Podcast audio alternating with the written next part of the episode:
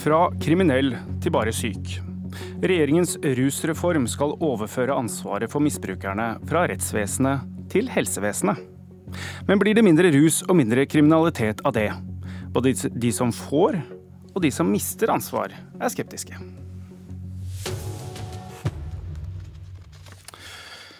Regjeringen ønsker altså å endre myndighetenes reaksjon mot personer som tas for bruk og besittelse av narkotika, fra straff til hjelp, behandling og oppfølging. Eh, et rusreformutvalg er satt ned, og alt skal jo da egentlig være på plass i 2021. Um, direktør i Helsetilsynet Jan Fredrik Andresen, velkommen. Takk. Du er skeptisk? Hvorfor det? Ikke skeptisk til å gi god behandling til mennesker som har rusmiddelproblemer, men mildt avventende til dette utvalgets eh, mandat og arbeid. Det knytter seg til to, to, forhold. Det ene er ferske tilsynserfaringer som viser utfordringer med kvaliteten i dagens behandlingstilbud. Den er ikke god nok. Og to, det er brukt ord her som kan minne om at, eller peke i retning av at helsepersonell skal få en slags sanksjonerende rolle det er en rolle som vil eh, rokke ved det grunnleggende tillitsforholdet mellom helsetjenesten og brukerne. Du mener rett og slett dere blir pålagt noe som politiet har i dag, og dere ikke er i stand til å utføre? Det kan synes som om det kan ligge inni dette. Det gjenstår jo å se, men jeg er skeptisk til en slik utvikling, ja. Men er du ikke enig i at det dreier seg i stor grad om en sykdom, misbruket, avhengigheten, og at det hører hjemme i helsevesenet? Jo, Absolutt, men det grunnleggende verdien i helsevesenet er respekt for pasientens autonomi, frivillighet, medvirkning og involvering. Og da må det bygge på nettopp respekten for individet, og ikke knyttes til tilbud, sanksjoner, kontroller. Vi må brygge på den grunnleggende grunnsteinen som er i norsk helsevesen, og det er tilliten mellom helsepersonell og, og eh, pasientene. Og det er frivillighet som er bærende. Frivillighet er det som gir vellykket avkastning på behandlingen. Sveinung Stensland, helsepolitisk talsperson i Høyre. Ehm, velkommen til Politisk kvarter. Ehm, du er den i studio her i dag som ehm, målbærer det å ville gjennomføre denne reformen. Hva tenker du når du hører om disse store bekymringene fra Helsetilsynet, fra helsesida, at dette er ikke en oppgave de er rigga for? Jeg er først har vært litt overraska, fordi vi har jo allerede i dag narkotikaprogram med domstolskontroll, der en domstol kan, kan si at denne personen her skal gjennom et eh, narkotikaprogram. Det er en sanksjon som kommer fra domstolen, som i dag følges opp i helsetjenesten. Så det som nå Helsetilsynet beskriver som et problem, er faktisk en realitet i dag. Og Det handler ikke om at en skal dømme noen i det her. Det handler om at en skal istedenfor å møte rettsvesenet, skal en møte I Portugal kaller de det for en kommisjon. Hvis du blir tatt for lette narkotikaforbrytelser, eh, type besittelse og bruk. En av diskusjonene vil jo bli hvor mye kan du ha, hvor mye kan du besitte av narkotika før det blir noe som skal være en ordinær straffereaksjon, eller om du skal til f.eks. en kommisjon. Så først av alt, det, det som Helsetilsynet tar opp her, det er en realitet i dag. En kan i dag via domstolen bli ilagt narkotikaprogram som følges opp, til du blir kalt inn til en dommer for å se at dette følges opp. Så det argumentet der, det, det har ikke så veldig stor verdi i denne debatten. Andresen, er du enig i det? Jeg, ikke, jeg, er ikke helt uenig med Svein Stensland her. Poenget er at der er inngangsporten en rettsbehandling. Det er en domsbehandling. Det er en helt annen port mm. inn til behandling ja. enn det som er beskrevet nå, i utvalget. Men nå, nå, blir jo kritikken fra Helsetilsynet går jo på at her skal jo behandling være noe som en ønsker selv, og ikke noe som en blir idømt. Og det er jo nettopp det som er realiteten i dag. Vårt alternativ, og det som nå er et stort flertall for på Stortinget, er nettopp at en skal møte disse som trenger hjelp på en helt annen måte. En skal ikke møte dem i en domstol, en skal møte dem på en annen måte med det som vi snakker om som en kommisjon som de da har i Portugal, men vi vet jo ikke ennå hvordan dette skal rigges i Norge. Dette utvalget som er nedsatt, skal fange inn innspill, bl.a. fra Helsetilsynet, fra andre, fra kritikere, fra de som er positive. Så vil vi jo se på hva som må endres. Og En har jo òg åpna for å endre både straffelov og andre eh, eh, lovverk for å tilpasse det norske systemet til en ny måte å møte disse som trenger hjelp. Og Det er vårt utgangspunkt. Dette er snakk om brukere som trenger hjelp. Folk som har en desperat livssituasjon. Og vi tror ikke at du kan straffe de friske, vi tror at du kan behandle de friske. Og vi tror at det er en egen motivasjon som må til for å bli frisk. Og da er jeg helt enig med Helsetilsynet. Vi trenger å bygge opp behandlingskapasitet. Derfor gjør vi det. Derfor er vi opptatt av at alle skal slippe til. Derfor er vi opptatt av fritt behandlingsvalg. Vi er opptatt av at både økt kapasitet på avrusning, men ikke minst på ettervern og videre behandling. Og så sier du veldig mye ting som skal trappes opp. Likevel, dette skal jo ikke koste noe penger. Eh, opptrappingen innenfor rusfeltet den har vi jo allerede vedtatt en opptrappingsplan. men denne reformen skal ikke koste ja. penger? Reformen er én del av det, men vår rusbehandling er mye mer enn denne reformen. Og vi har også bygd opp ganske men så skal, mye. Ja. Det har bygd opp mye, men eh, så skal jeg komme til en annen instans som er bekymra òg. Politiet. Som du sier, man skal ikke møte seg med straff. Så sier politiet ja, men hvis vi ikke noterer når noen blir tatt for misbruk, så vet vi ikke, da blir det ikke bekymringsmeldinger til barnevernet og foreldre som er misbrukere.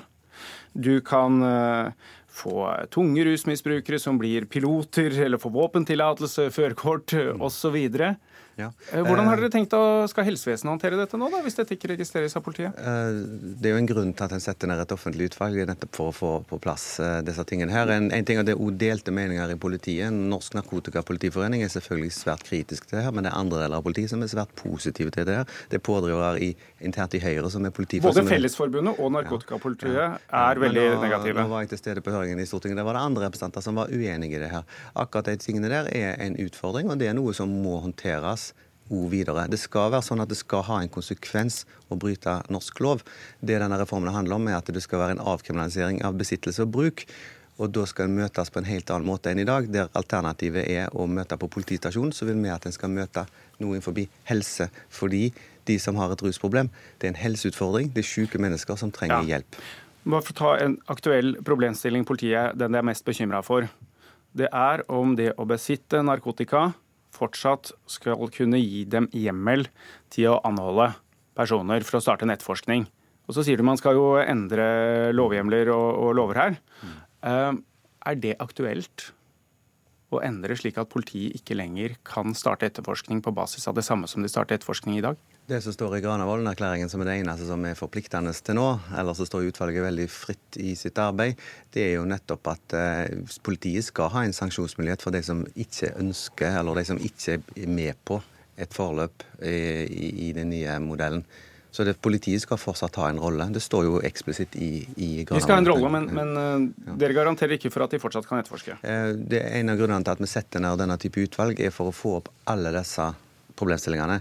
Og det å konkludere et år før utvalget skal være ferdig, det ville være ulogisk. Vi hadde, hvis vi hadde hatt alle svarene, så hadde vi satt i gang lovarbeidet nå. Vi har ikke alle svarene, derfor har vi satt i gang et utvalg. Og vi tar imot alle mulige innspill, både fra Helsetilsynet og politi, og alle de som er positive. Dere har fått et par, par negative som, eh, fra politiet, som ligger litt lite eh, tilgjengelig, men vi har fått innsyn i, i hvert fall. Uh, Kjersti Toppe, helsepolitisk talskvinne i Senterpartiet. Uh, bedre med fokus på behandling. Topp?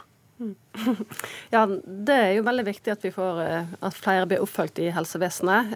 Og for Senterpartiet så har vi sagt at oppfølgingen skal skje i helsevesenet.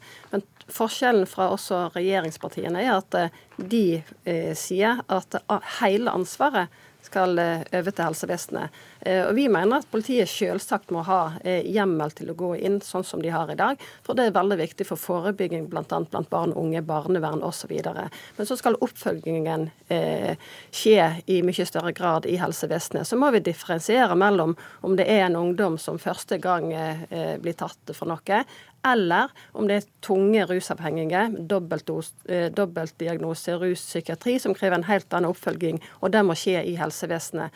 Og så er jo jeg bekymra for det som, eh, som eh, Helsetilsynet tar opp, med at eh, vi vil kunne få en helt annen rolle for helsepersonell. Der de skal være eh, kontroll og utøvende og sanksjoner. Eh, og, og, og, det er jo jeg bekymra over. Vi må iallfall Jeg håper at dette utvalget ser på den nye rolla som et helsepersonell vil få.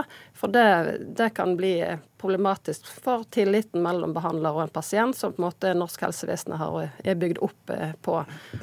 Er du konkret mot altså Hovedpoenget i reformen er jo at ansvaret skal overføres fra politiet, rettsvesenet, til helsesektoren. Er, er du imot det? At hele ansvaret overføres? Ja, Jeg er imot at hele ansvaret overføres. Vi vil at oppfølgingen eh, skal overføres, men ikke hele ansvaret. Politiet skal fremdeles ha et ansvar i vår modell. Geir Jørgen Bekkevold, du er leder helse- og omsorgskomiteen for Kristelig Folkeparti, eller altså på Stortinget av Kristelig Folkeparti. Eh, du jo, har jo signert på at dere er jo for denne reformen. som har Portugal som et forbilde med tilnærmet legalisering. Hvordan har det seg? Vi har signert en plattform, men det betyr ikke at vi er enig i dette. Dette er et, en reform som Kristelig Folkeparti har vært uenig i fra dag én. Eh, det er et flertall, og det er helt riktig som Steinsland uh, sier, at det blir et flertall på Stortinget uh, for å gjennomføre denne reformen, men Kristelig Folkeparti har aldri støttet den. Så er det slik at vi nå har signert en plattform. Der skal denne reformen videreføres.